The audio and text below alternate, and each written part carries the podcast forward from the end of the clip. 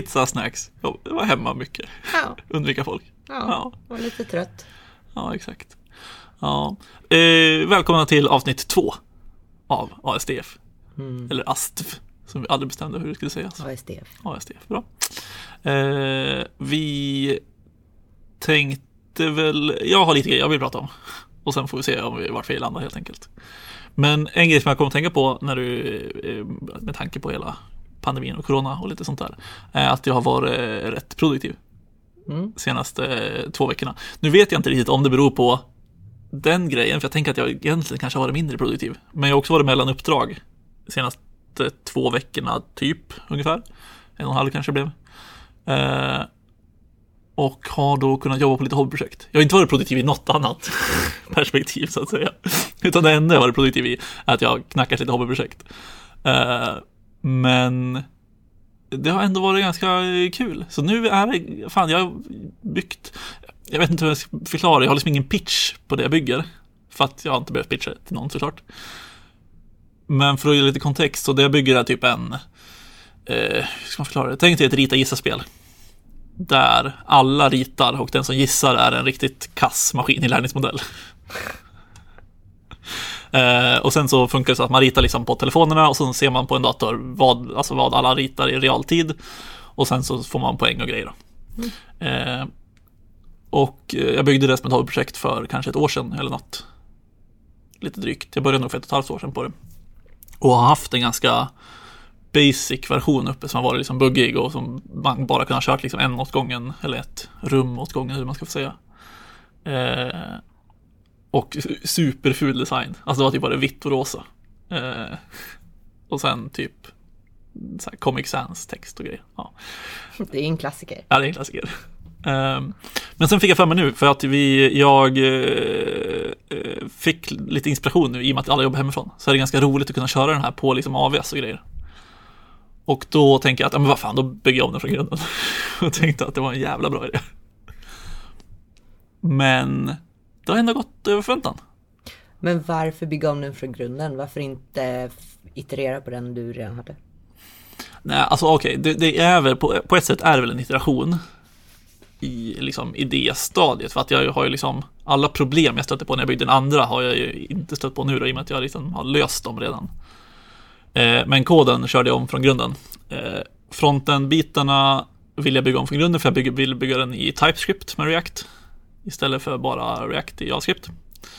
Eh, för jag har inte kört så mycket TypeScript i React förut och tänkte att ja, men det kan vara kul. Det kan vara bra att lära sig. Eh, skeptisk. Vad tycker du om TypeScript i React? Ja men alltså jag förstår, alltså oh, eh, det ska också sägas att jag likt Java är väldigt dålig på TypeScript. Eh, nej men jag förstår verkligen poängen med det i stora eh, projekt och där många är inne och grejar och det hjälper en. Det hittar buggar och sådana saker, absolut. Men i ett hobbyprojekt. där man bara vill ha, knacka loss lite tänker jag. Där eh, hade jag nog kanske inte valt TypeScript. Nej, alltså jag, jag hade nog samma approach som dig innan. Alltså jag har inte skrivit jättemycket TypeScript. Eller så här, jag skriver en del TypeScript på backend-grejerna. Eh, typ, jag brukar ofta köra ett ramverk som heter Nest.js om du känner till. Vi pratade om det förra gången. Gjorde vi? Ja, det gjorde vi. Just det. Eh, Jättekort. superkort. Ja. Eh, men det är liksom ett eh, ramverk som är liksom så här, alltså det finns typ moduler för allt i det. Eh, och det är liksom TypeScript för backend i, och Node. Och eh, där finns det en WebSocket-modul som är skitnice tycker jag. Så därför nu kör jag WebSockets för realtidskommunikationen då. Eh, och den är ju TypeScript. Och då tänkte jag så här, fan det skulle vara nice att kunna så dela modellerna mellan fronten och backend. Så att liksom när det kommer till fronten så kan jag liksom så här, ja men då kan jag bara, eh, liksom bara använda, återanvända modellerna där för att få lite typning liksom. Bara fram och tillbaka. För jag hade ändå lite strul när jag byggde det förra. Att så här, fan det matchar inte mellan fronten och backen. Och man bara, ah, fan jag har missat, skrivit lite fel på en, en typo liksom någonstans. Ja, alltså jag fattar ändå grejen, men det är ju smutt liksom. Speciellt när vi var, vi var på Nordikia så såg det här snacket där de kör typechecking all the way. Eller vad det var. Mm, ja men exakt. Började vi någonstans så körde vi GraphQL och så hade vi alla scheman där och sen så upp mot TypeScript och körde och förvandlade dem till interface i TypeScript och så. Och allt var typat hela vägen upp och det funkade skitbra liksom. Ja, exakt. För de, de, det taket du pratade med då autogenererade de väl typerna, typ från GraphQL Ja, eller något sånt där va? ja de hade någon... Jag vet inte varför jag tog upp det när jag kommer ihåg det så dåligt. Men, eh, men det, var, det var bra. Vi lägger en länk i beskrivningen om någon vill eh, titta på det.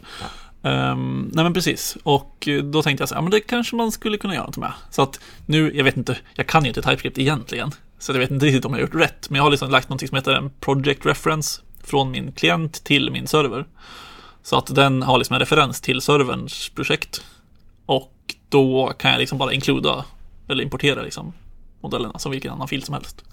Från servern liksom. Eh, och det funkar väldigt, väldigt nice.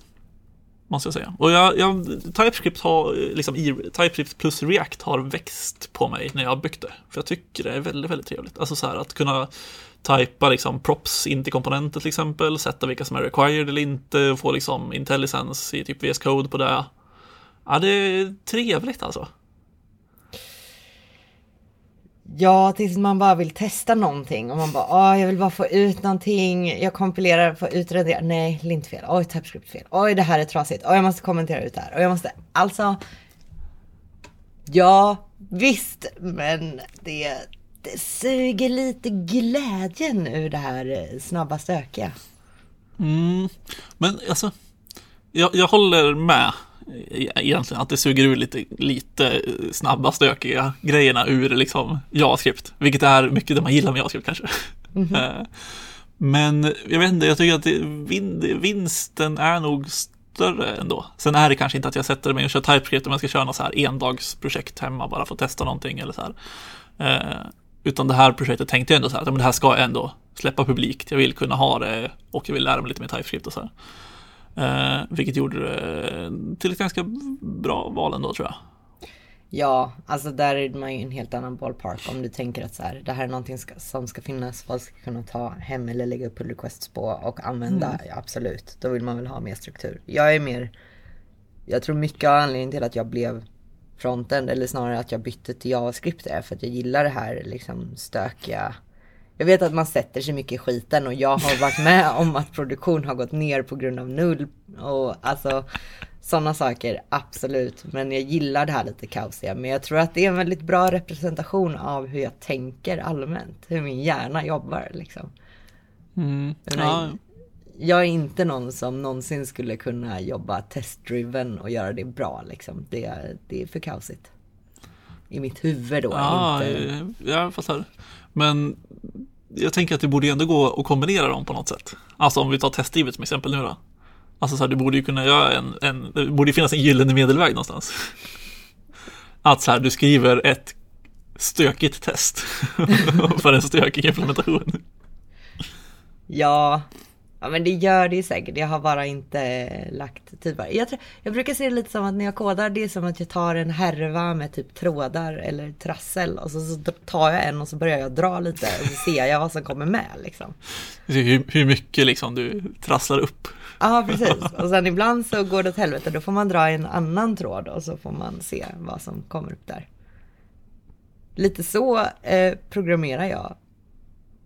Ja, nej men alltså jag, jag kan verkligen känna igen mig. Alltså särskilt om man sitter med något, alltså jätte, jättestort projekt. Då är jag helt på den sidan. Alltså så här, jag uppskattar jätte, jättemycket att det finns tester. Alltså om det finns enhetstester eller om det finns integrationstester eller vad som helst. Alltså jag älskar det, mm. om det gör det. Men, men jag håller med, det är lite kul att sitta med det här helt otestade projektet och så ska man ändra någonting och man bara, vad händer när jag gör det här? Ja, men det är inte riktigt så jag menar heller. Det är snarare att alltså, de här kaoset med trådar är problemet jag ska lösa.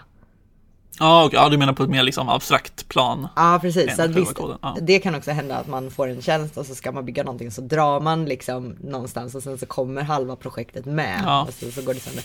Det händer ju också. Men jag menar med det här problemet, jag ska bygga det här. Mm. Då börjar jag någonstans och så bara kör jag och så ser jag vad som händer. Ja, jag förstår. Typ. Ja, men alltså du, eh, vad man säga, problemet som du visualiserar dig är liksom en boll med trådar. Ja, lite. Och sen drar du i första bästa tråd och ser. Ja, jag är inte så bra på att se eh, framtiden vad som kommer. Jag är inte så bra på att se eh, eh, vad heter man, dominoeffekten. Jag är inte så bra på att se vad som händer när jag gör det här. Utan jag måste aktivt se det när det händer. Jag är väldigt visuell eller så här, jag måste hänga med när det händer. Jag tror det här är varför jag är så fruktansvärt dålig på schack. Det du säger är att du har inget konsekvenstänk. Ah. Du, liksom, du gör saker så här, äh, det går som det går. Ja, men lite. Ja.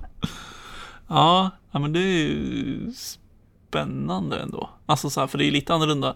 Skulle du liksom säga att du är bra på att, oh, vad heter det när man, eh, alltså att visualisera problem, eller förstår du vad jag menar? Att hålla liksom ett problem i huvudet. Det finns ju något ord för det här, ett jättefint ord som jag inte kommer ihåg nu. Eh, alltså när man liksom håller många delar av ett problem i huvudet samtidigt. Förstår du vad jag menar? Ja, jag är inte helt hundra på om jag förstår vad du menar. Men säg att jag ska bygga någonting. Ja. Liksom. Då kanske jag tänker på att det här kan hända och det här kan hända och det här kan hända och Mm. det här kan hända. Eh, allt det här måste jag se till. Men hur jag ska lösa det, det vet jag inte än. Men jag Nej. vet att det kommer bli ett problem. Ja, nej men precis. Ja, exakt. För alltså, jag, jag tror att jag är ganska duktig på att liksom se ett problem och tänka att okej, men det här är de delarna vi ska göra. Och sen hålla alla de delarna i mitt huvud bara. Alltså så här, att jag håller koll på att det här ska fixas och jag håller på liksom när jag jobbar med problemet. Eller så att man ska implementera en feature som är liksom både frontend och backend och lite databasändringar och kanske tre olika services i backenden som ska ändras liksom. Eh, så jag är nog ganska bra på att hålla koll på att ja, men vi ska ändra det här och sen ska vi göra det och så ska vi göra det och så ska vi göra det. Och sen liksom väldigt bra på att även om det dyker upp någonting att oj, nu måste vi, nu blev det någonting konstigt här.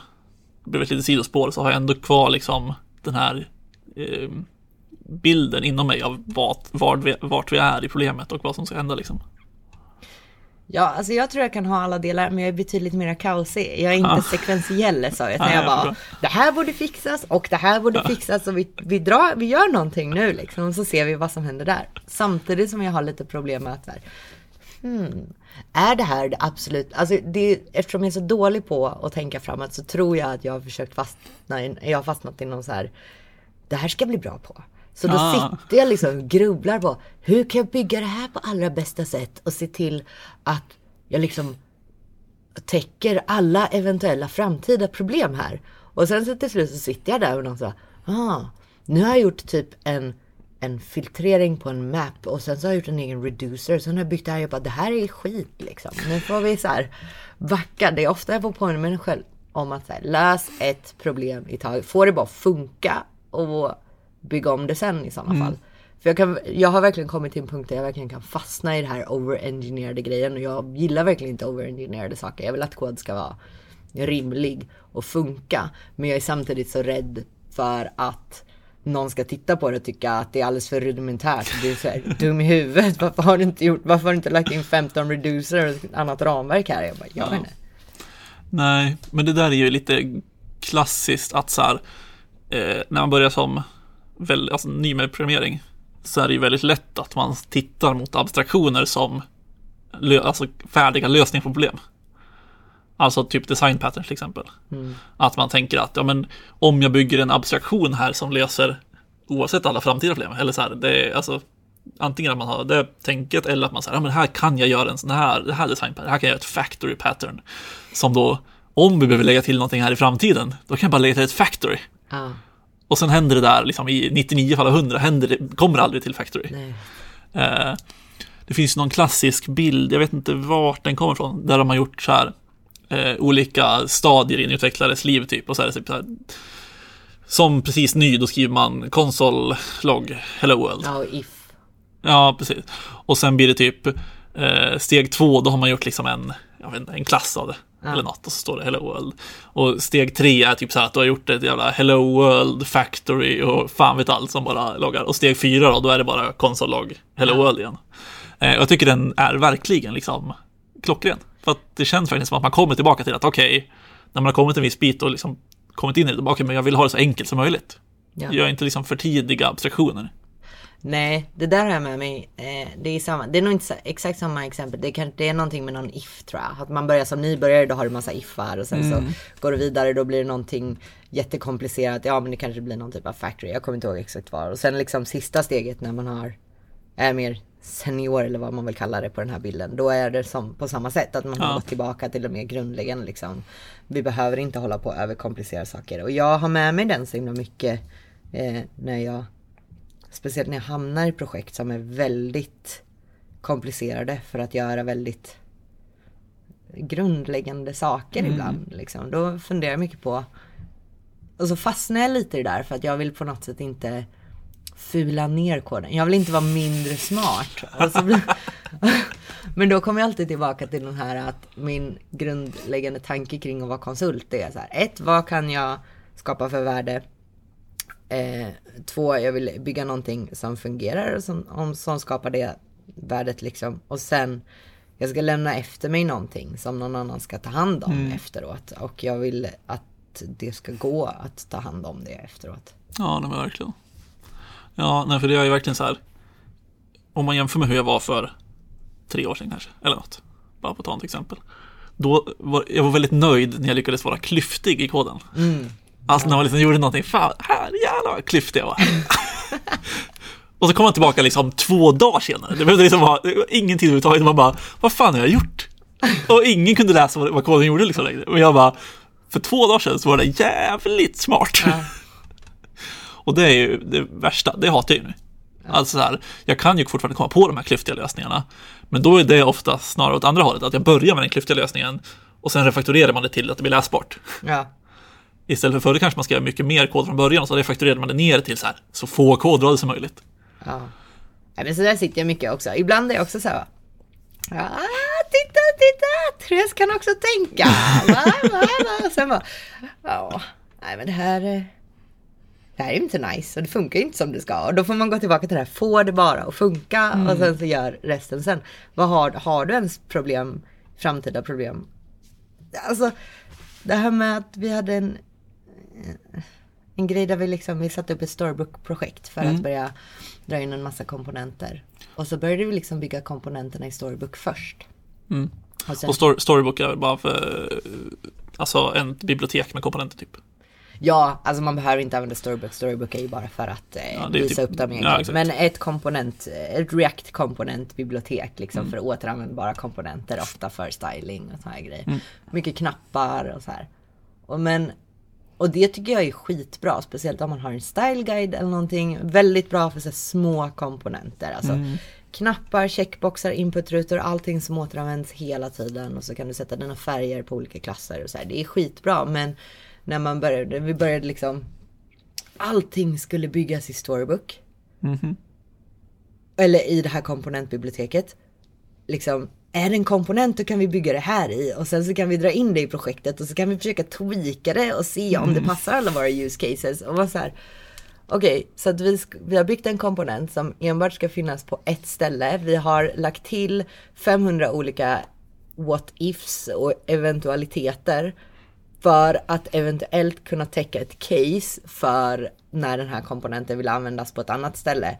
Men det har inte hänt och koden är inte läsbar. Ja, oklart om man har lyckats då eller inte. ja,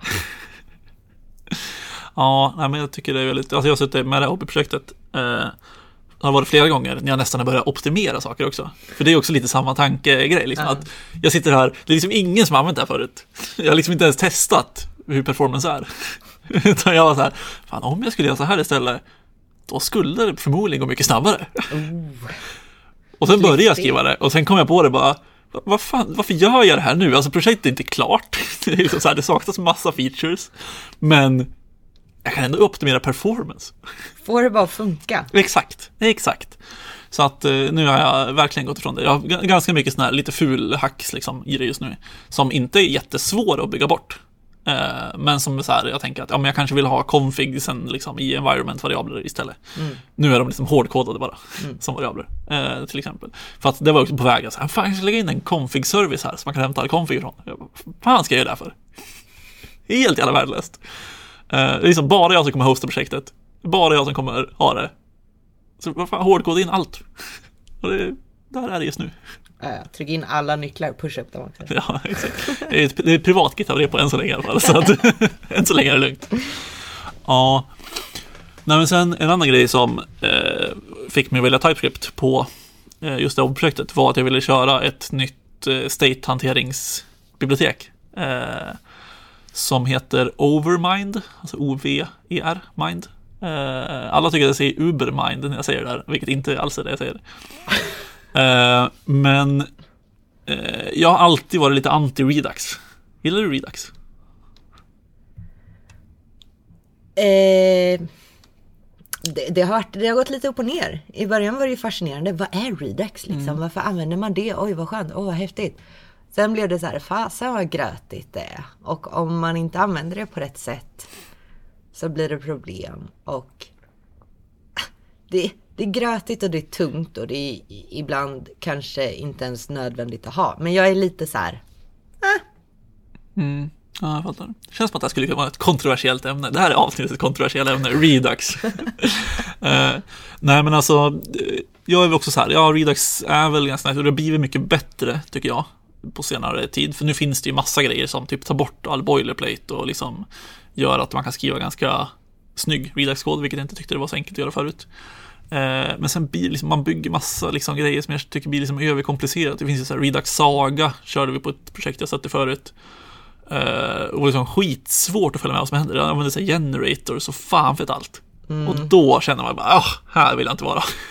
Nej, det har jag mest hört om. Man ska bygga en saga om allting som ska ske liksom ja. på vägen. Ja, nej, det, det, det projekt jag tyckte allra roligast att jobba med Redux det var när vi drog in selektorer. Alltså inte ens komplicerade utan bara mm. getters. Och fick ja. ut data på ett väldigt trevligt sätt och kunde välja ja, eh, komplicerade saker och nullcheckar och sånt kunde ske i selektorerna. Det var jäkligt trevligt. Mm.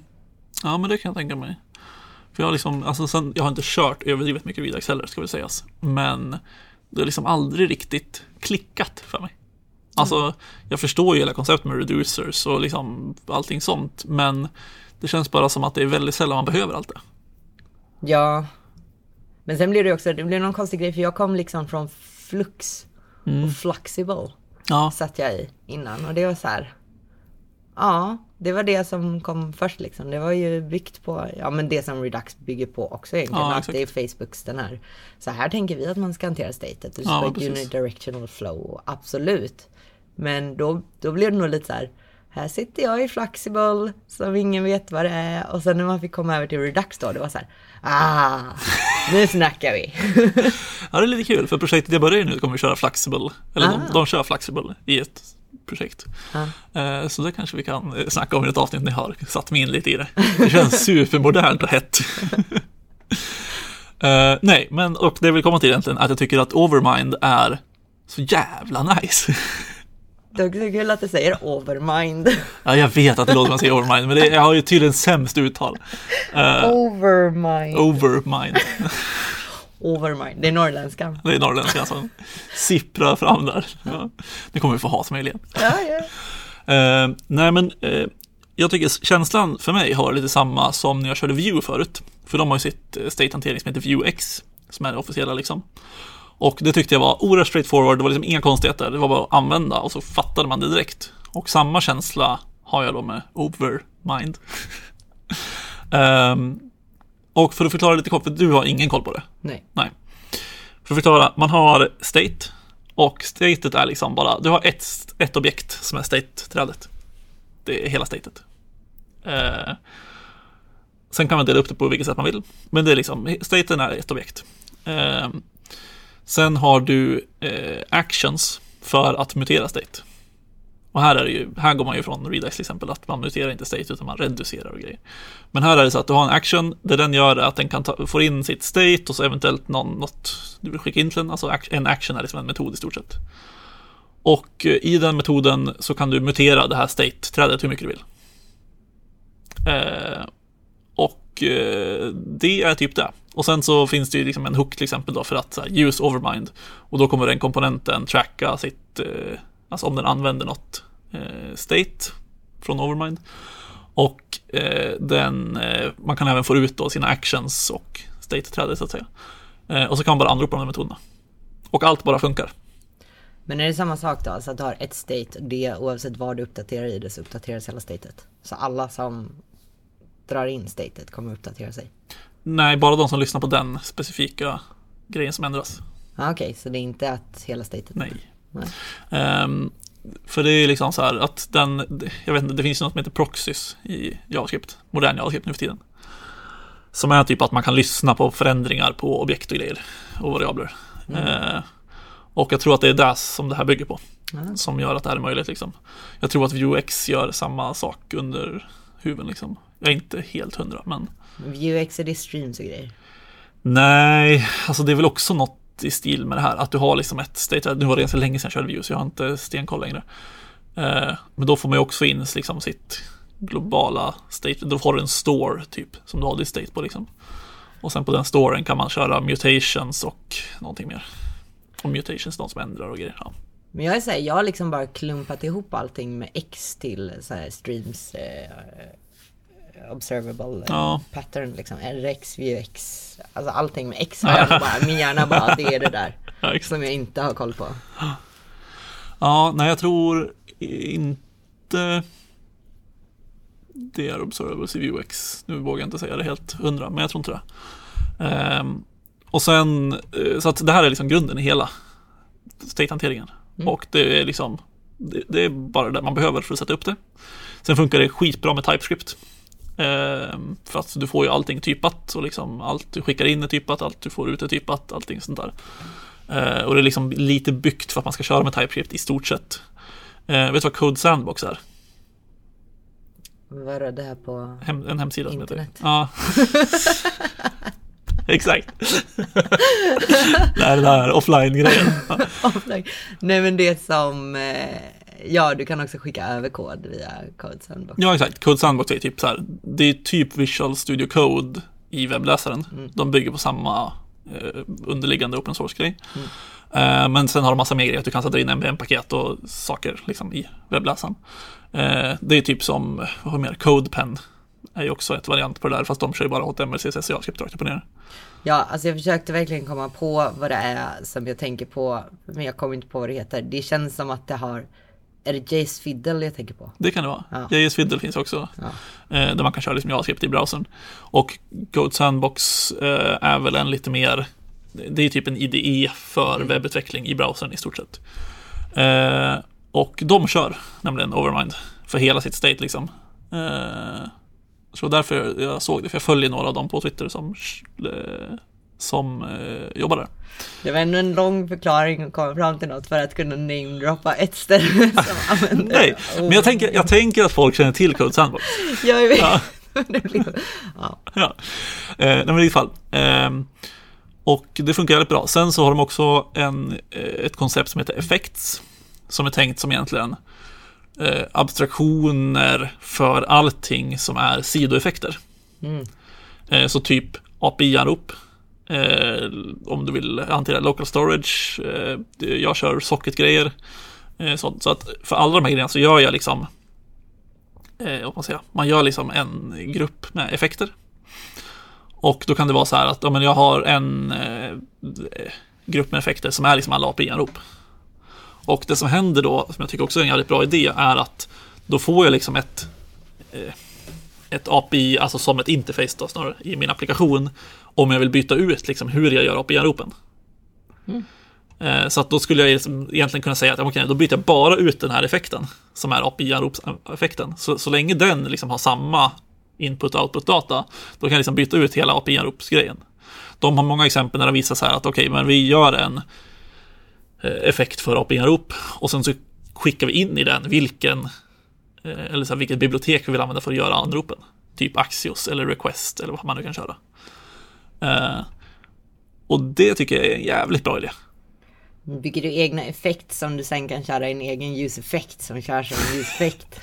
Ja, det är mycket, mycket så här att saker heter samma sak. För de här har ju liksom ingenting med ljuseffekt att göra egentligen.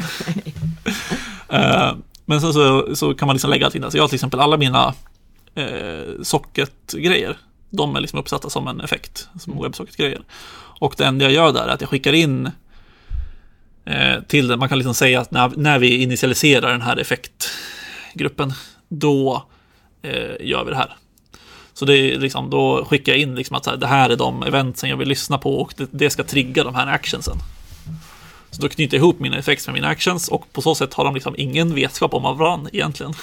Så att om jag vill byta ut och jag kör socket IO nu till exempel för att köra socket-grejerna. Så vill jag byta ut den så är det typ liksom byta ut en fil så är det klart. Nu kommer ju det aldrig hända. Det här är så jävla bra egentligen att vi pratade om så här abstraktioner som man gör i onödan. För det här är ju exakt det där. Det här fanns ju ingen anledning att jag skulle behöva göra det egentligen. Förutom då att testa eh, biblioteket.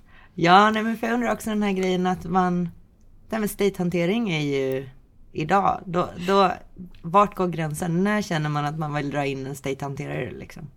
Mm. Nej, jag håller med. Eh, jag är också, alltså många andra projekt så har jag kört liksom, på senare tid.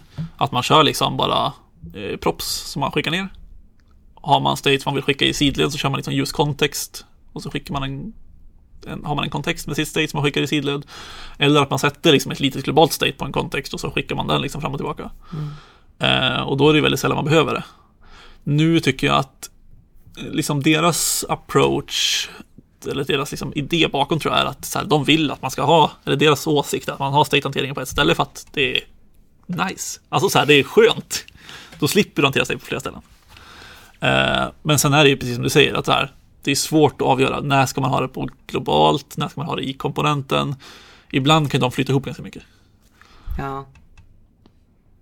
Nej men att ha en state-hanterare överhuvudtaget är lite så här, var, när tycker man är dags. Alltså jag kan verkligen tänka mig de här side effects grejerna om man kan dra ihop dem på ett eget sätt. Mm. Eh, det kan jag tänka är jäkligt trevligt. Liksom. Eh, å andra sidan kan jag också tycka att man kan bygga en egen ljuseffekt. Eller en egen hook. Mm. Liksom i React och samla allting där. Det skulle ju kunna bli samma sak. Ja, definitivt. Alltså med hooksen nu så är det ju skitenkelt att bygga liksom så här. Vad får man säga? delad logik liksom. Mm. Eh, så man skulle kunna liksom ha en hook som gör allt det här åt en. Ja, så kan man bygga en Uber-hook och så kan man se till alla eventuella framtida problem och så kan de ta höjd för det. Exakt. Ja, det är perfekt. Nej, men så jag tycker att jag tycker i alla fall att det är väldigt trevligt. Mm. Eh, mycket för att det är så här, man får ett state-träd som alla lyssnar på. Sen är det klart att man har ju lite liksom, lokalt state i komponenten också såklart. Men, men det har känts väldigt, det har gått väldigt fort att bygga med det. Eh, vilket var väldigt härligt. Det finns lite mer så avancerade grejer som jag inte testat. Eh, de har någonting som heter operators. Som är typ att eh, eh det är lite mer eh, funktionellt tänk. Eh, det vill säga att istället för att, om man har en action nu då, då är det liksom tänkt en metod bara rakt upp och ner. Och den metoden gör massa imperativ logik som säger att om det här händer, gör, spara det här statet eller om det ser ut så här så sparar det statet och så vidare. Eh, operator säger lite mer åt funktionellt håll, att du typ kör en så här pipe-funktion och sen skickar du in massa funktioner i den mm. som körs i ordning för att eh, ja, då mutera statet. Mm. Och då finns det ju en så här mutate-funktion för att mutera statet och det, ja, du fattar. Mm. Eh, och visst, det ser ganska trevligt ut, men jag kände, det kände jag var helt overkill. uh, jag kommer säkert kanske testa det sen för att se hur det känns, för att jag tycker biblioteket i övrigt är så jävla bra. Uh, sen har de också uh, något uh, som de kallar för state charts. Som är, alltså det är väl en stor idé, liksom. det är som en state machine. det vill säga att man definierar vilka states man har i applikationen och sen definierar du vilka states som kan eh, liksom gå till vilka andra states. Det vill säga om du har statet login, då kanske du kan gå till statet logged in och till statet failed login. Mm. Till exempel. Mm. Um, och det uh, Overmind gör är ju typ att de där spesar man, kan man spesa vilka actions kan köras i vilka state till exempel. Vilket gör att om du säger att det, liksom, det lägger lite ett lager ovanpå med logik som säger att okej, okay, men om vi är i eh, liksom login-statet, då kan vi inte köra logout-actionen till exempel. Mm. Eh, och den tror jag skulle kunna vara ganska vettig för det jag bygger, för att jag har ganska många olika states. Alltså, det funkar så att man skapar ett rum och då väntar man på att spelare ska komma in. Sen när spelare kommer in så kommer det vara liksom en ja, typ en countdown som är på 10 sekunder. Och det är liksom ett state och under den tiden så kan fler spelare joina. Och sen och så vidare. Eh, så att där känns det ganska vettigt att jag kan så här spesa då, hur, vilka states kan applikationen vara i liksom mer konkret än att det bara lever i en, just nu lever det liksom i en state-variabel bara, som säger vilken state man är i. Ja. Nej men det låter helt klart vettigt. Men det är intressant ändå när du säger den här så här, ja det har gått fort att bygga i. Mm. Eh, men om du upplever att du dragit in state-hanterare i andra hobbyprojekt liksom. Det är svårt att mäta nu också men kanske du kanske har en annan kunskapsnivå och erfarenhet. Men jag menar, känner du verkligen att det är så här, det här har verkligen varit skillnad i hastighet och sätta sig in i och förstå jämfört med andra? Eller mer så här, ja, men det gick fort. Jag är i ett projekt som inte har skalat upp stort än och som kanske inte har stött på alla problem än. Liksom. Mm. Nej men ja, nej, precis, det är svårt att jämföra. Men, nej, men jag, jag tror att det är liksom den bästa startsträckan jag haft, tror jag, i ett state-hanteringsbibliotek. Alltså kanske Vuex som jag jämförde med innan, liksom, att det var likadant. Liksom. Mm. Jag tycker dokumentationen är också väldigt bra, vilket hjälper väldigt mycket. Ja, Eh, halleluja. exakt, exakt den känslan där. Ehm, Men den energinivån också. Exakt. Nej men så att, eh, jo, jag tycker nog att det har gått snabbare. Men sen tycker jag också att, alltså för till exempel, tittar man på den förra versionen av det här hobbyprojektet. Där byggde jag liksom bara min egen state-hantering med typ kontext och eh, use reducer i, i liksom hooks. Mm. Och hade liksom en custom hook bara. Eh, och där blev det liksom mycket rörigare. Nu kan det ju såklart vara för att jag vet, alltså har man byggt projektet en gång så lär man sig oerhört mycket till nästa gång man bygger det. Mm. Eh, om hur man ska strukturera och sånt där. Men jag tycker ändå att jag fått oerhört mycket hjälp. Att så här, men tänk, alltså så här, det är lättare att strukturera det i Overmind än vad det var i, i liksom use reducer och use context. Så att, eh, ja, nej jag vet inte. Jag tycker att det, jag kan varmt rekommendera att testa det. För att jag tycker det är ruskigt, ruskigt bra. Och eh, jag, eh, sen, jag vet inte, jag tror ju att man vill kanske använda det med TypeScript. Om man gör det. För jag vet inte om jag skulle, alltså så här, det kan ju vara kombinationen också. Alltså så här att jag får mycket hjälp av TypeScript som gör det enklare och strukturerat. Alltså jag får inte så mycket problem med att jag har skrivit fel och grejer. Plus då att det här hjälper till med allting. Så att jag vet inte. Men jag, jag tycker ändå att det är sjukt nice faktiskt. Men det känns ju verkligen som att det hjälper dig att tänka, eller vad man Ja. säga. Ja men det är hjälp jag kan behöva ibland. Så Ja, men mycket den här att det inte bara är eh, använd de här prylarna så blir det bra. Utan det är mer så här, okej, hur vill du faktiskt hantera, hur vill du att saker flödar? Jag tror den här state chart-grejen låter ju ganska eh, mycket så att man verkligen måste tänka till. Okej, vilka state går till vilka state? Vilka kan jag hantera här borta? Vad, att faktiskt bygga en chart av det. Mm. Ja, och det, det är lite kul grej här som jag tycker är, eh, eller så här, det är både positivt och negativt, men de har ju så här DevTools som alla andra state-hanteringsbibliotek nu för tiden. Eh, men det som är irriterande är att det finns bara som en, eh, vad ska man säga, som ett extension till VS Code. Eller att man kör en liksom fristående på datorn. Det är liksom ett NPM-paket som du kör bara MPX och sen, ja vad den heter, Overmind DevTools kanske. Eh, och problemet är att då kan du bara, alltså den ansluter bara till ett fönster åt gången. Vilket är skitjobbigt när jag bygger liksom en multiplayer-grej. Ja. Så att liksom det senaste fönstret jag refreshar är den som, tar, den som den kopplar state på. Eh, och det är ju oerhört irriterande. Ja. Sen tycker jag den är rätt bra, för man ser liksom exakt vilka actions har körts. Du kan se exakt hur statet är, du kan liksom gå tillbaka och time travela och grejer. Eh, och om man körde state charts såg jag, då får man även ut liksom en visuell bild. Så här, så här ser din state chart ut som ett diagram liksom. Och vilket är vi nu, hur gick vi dit och så vidare. Det låter riktigt nice. Ja, så att jag ska nog, eh, när jag har eh, byggt klart det, då kommer jag nog refakturera till state chart. Eh, för att slippa, jag ska inte göra någonting i förväg. Utan eh, det ska bli som det, det ska, vi ska ta, tag- få ut det så att folk kan köra det. Jag tänker att det är, liksom, vill, det är också ett projekt jag vill få ut nu. När folk är hemma och kör remote AVs och grejer. Men hur är, alltså dokumentationen är bra, sa du? Ja, men jag tycker den är bra. Tack och lov. Jag hatar när man inte förstår dokumentationer. Eh, men community då? Liksom. Om du stöter på problem, kommer det vara, det är ändå ganska tyst än så länge. Ja, jag tror inte att det är en superstor community. De verkar vara ganska aktiva och hjälpa till om man typ tweetar saker eller skriver på en issue på deras GitHub liksom. Ehm, Men ska jag vara helt ärlig så har jag inte haft ett enda problem. Som, eller så här, jag har väl haft någon gång när jag kollat upp dokumentationen såklart. Men jag har liksom aldrig haft någonting som jag bara har fastnat i. Mm. Utan det känns som att det är så pass straightforward att liksom, det händer liksom inte. Sen gör jag ju som sagt inte de komplicerade grejerna som operators eller state charts eller så här. Men överlag så tycker jag det funkar väldigt, väldigt bra. Men Anton är lite frälst ändå. Jag är lite, gud ja, gud ja. Overmind. Exakt. Eh, nej men alltså, gud ja, det är jag definitivt.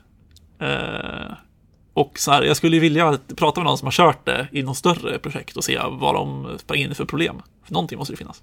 Du får väl eh, fråga Code Sandbox-folket. Ja, jag får väl göra det. Men han som har gjort det där jobbar ju på Code Sandbox. Ah, Så att jag tänker att, ja. Det finns väl säkert något problem de har.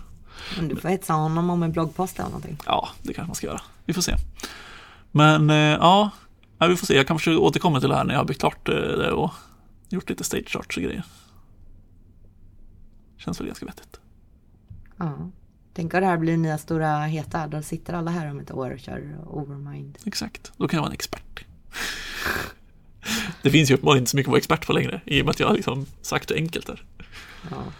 Om det inte blir så att alla verkligen byter ut och kör GraphQL och typ Apollo. Ja, ja det måste vi också prata om något avsnitt, för jag kan ingenting om GraphQL. Jag vill kunna GraphQL, du kan ju GraphQL så att Vi ska ju inte ta i här. du, när du säger vi ska inte ta i så betyder det ändå ja, för att du, du, du trycker ner dig själv lite grann varje gång. Det betyder kanske att jag har jobbat med det, men jag har ju inte, jag har inte jobbat länge med det. Nej, Eller djupt med det. kan ju mer än mig. Ja, men om du kan ingenting så är tröskeln inte så hög, tänker jag. Nej, det är också väldigt sant. Åh shit, Eh, jag tror att jag har pratat eh, jättemycket och jättelångt och jättesnabbt nu om Overmind. Så jag tänker att folk kanske är lite trötta på att höra min röst. Norrländskan. Norrländskan. Overmind. Overmind. Ska vi säga så för den här gången? Ja, Eller har du något du vill tillägga? nej, det var inget. Nej. Ehm, vill man eh, nå oss så finns vi på Twitter. Jag heter Avneton med W. Eh, du heter T. Komstadius. T. Stadius. Länkarna finns i beskrivningen. Vi skulle också kunna passa på att tacka mina vänner som är helt bara brutalt utnyttjat. Nej, men eh, först skulle jag vilja tacka Therese Nilsson för att hon gjorde vår coverbild, eller vad heter det? Poddbild? Ja, vår, Logga. vår bild, ja, vår logga. Ja, Den, den ni ser i alla fall. Ja, och sen så har vi även fått ett outro som, som ligger som ett ljudspår. Och det har vi fått av Per Strandberg. Så tack mina kära vänner. Ja, du har utnyttjat dem mycket. Ja, Ja, vi hann ju faktiskt smyga in outrot på förra avsnittet redan. ja. Eh, så att det låg redan där. Och eh, det kommer nu. Hej då! Hej då.